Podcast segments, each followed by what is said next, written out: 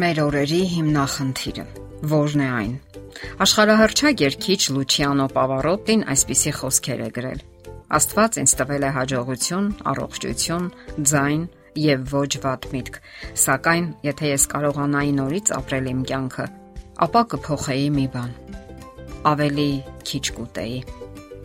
Գիրությունն այսօր լուրջ հիմնախնդիր է մոլորակի ողջ բնակչության համար։ Հետազոտությունները ցույց են տալիս, որ ավելորդ քաշը եւ վաղաժամ մահը գրեթե ուղակի եւ լիակատար կախման մեջ են։ Գեր տղամարդը հազվադեպ է ապրում մինչև 70 տարեկանը։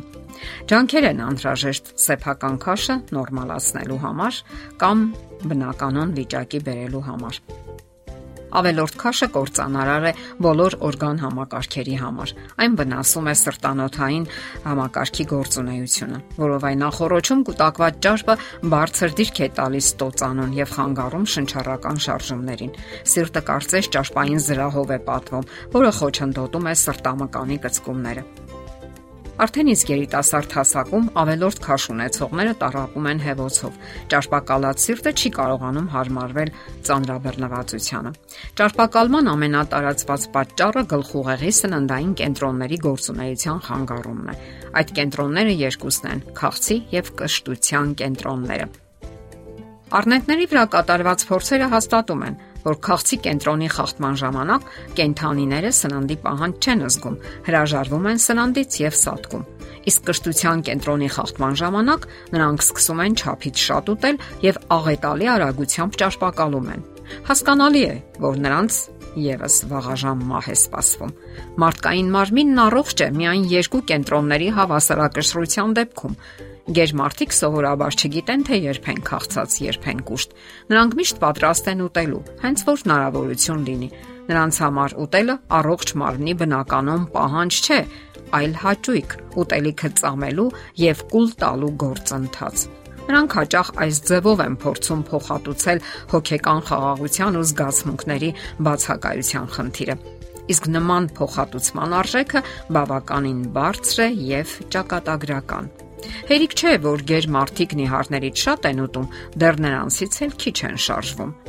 Նիհարների հաղթահարած ամենօրյա տարածությունը գրեթե կրկնակի գերազանցում է ģեր մարդկանց անցած տարածությանը։ Հարցն այն է, որ ժամանակի ընթացքում մարդու մոտ տեղի է ունենում ընտելացում։ Օրգանիզմը չի բավարարվում կերած սննդի նախքին քանակով եւ ավելի շատ է պահանջում։ Դրան նպաստում է նաև ֆիզիոլոգիական գործոնը՝ ստամոքսի ծավալի մեծացումը, հետևաբար եւ ներծծման մակերեսը։ Արդյունքում ձևավորվում է արատավոր շրջան, որից դժվար է լինում դուրս գալ։ Կարծիք կա, որ գիրությունը ժառանգական է։ Գիրության հակումը բոլորովին էլ ճակատագրական բնույթ չունի եւ լիովին ենթակա է կարգավորման։ Գիրանալու հակում ունեցող ծնողները երեխայի կյանքի հենց առաջին ամիսներից պետք է վերահսկեն նրա սննդի քանակն ու կանխեն շատակերությունը։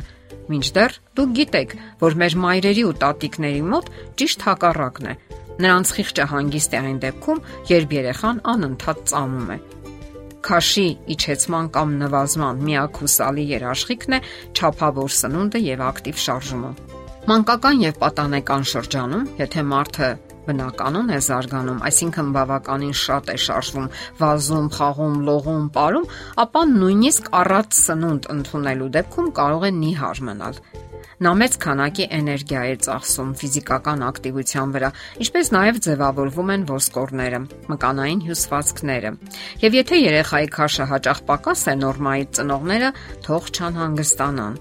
Գեր միշտ ծամող ծնողները ամեն կերպ աշխատում են այդպիսին դարձնել նաև իրենց երեխաներին։ Այդպիսի հոգեբանության եւ ճնշման արդյունքում վերջին տարիներին զգալիորեն ավելացել են մանուկ ու պատանի հաստլիկները։ Ծնողները թող հիշեն, մանկական գիրությունը ոչ թե առողջություն է, այլ հիվանդություն։ Հատկանշական է, որ երեխաները բնազդաբար ձգտում են ուտել հում գազար, կաղամբ, մրգեր։ Ճիշտ եւ առողջ սնված երեխաները հասուն տարիքում տոնուսը բարձրացնող միջոցների կարիք չեն զգում ասենք սուրճ, ծխախոտ, ալկոհոլ։ Եվ դա պարզված փաստ է, որ հում բանջարեղեն եւ մրգեր շատ օգտագործող մարդիկ ավելի հազվադեպ են դիմում տոնուսը բարձրացնող միջոցների։ Միշտ հիշենք, մեզ սնում է ոչ թե այն, ինչ ուտում ենք, այլ միայն այն, ինչ մարսում ենք։ Գեր մարդիկ պետք է իրենց ճաշացուցակից հանեն շաքարը, հրուշակեղեն, ալկոհոլը, սահմանափակեն հացը, կարտոֆիլը, կենթանական ճարպերը, աղն ու համեմունքները։ Ստամոքսի աշխատանքը կարգավորելու համար բուսական բջջանյութի պարունակությունը պետք է ավելացնեք։ Կարող եք շաբաթը 1 անգամ բեռնաթափման օր հայտարարել, այսինքն այդ օրն ուտել միայն մի տեսակի միրգ կամ բանջարեղեն։ Այո, ճիշտ սնվելու համար կամքի ուժ է հարկավոր։ Հայտնի գիտնական Մակերիսոնը երկար տարիներ կենթանիներին կերակրում էր եփած, տապակած, թխած կամ սինթեզված սննդով, որը սովորաբար օգտագործում են մարդիկ։ Դրա հետևանքով այդ կենթանիները ձեռք բերեցին այսպես կոչված մարդկանց բնորոշ շատ հիվանդություններ։ Ահա ցանկը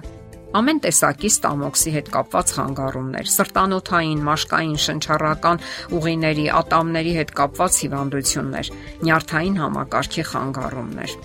Իհարկե, դժվար է ընդհանրապես հրաժարվել սննդի պատրաստման սովորական միջոցներից, սակայն չի կարելի մոռանալ հում մթերքների մասին։ Աշխատենք, որ մեր սնվելը չլինի արվեստ, արվեստի համար։ Իհարկե, սնունդը պետք է լինի ախորժելի եւ հաճելի, բայց ամենից առաջ կենսաբանական նպատակ եւ անհրաժեշտություն։ Եթերում առողջ ապրելակերպ հաղորդաշարն է։ Հարցերի եւ առաջարկությունների համար զանգահարել 033 87 87 87 հեռախոսահամարով։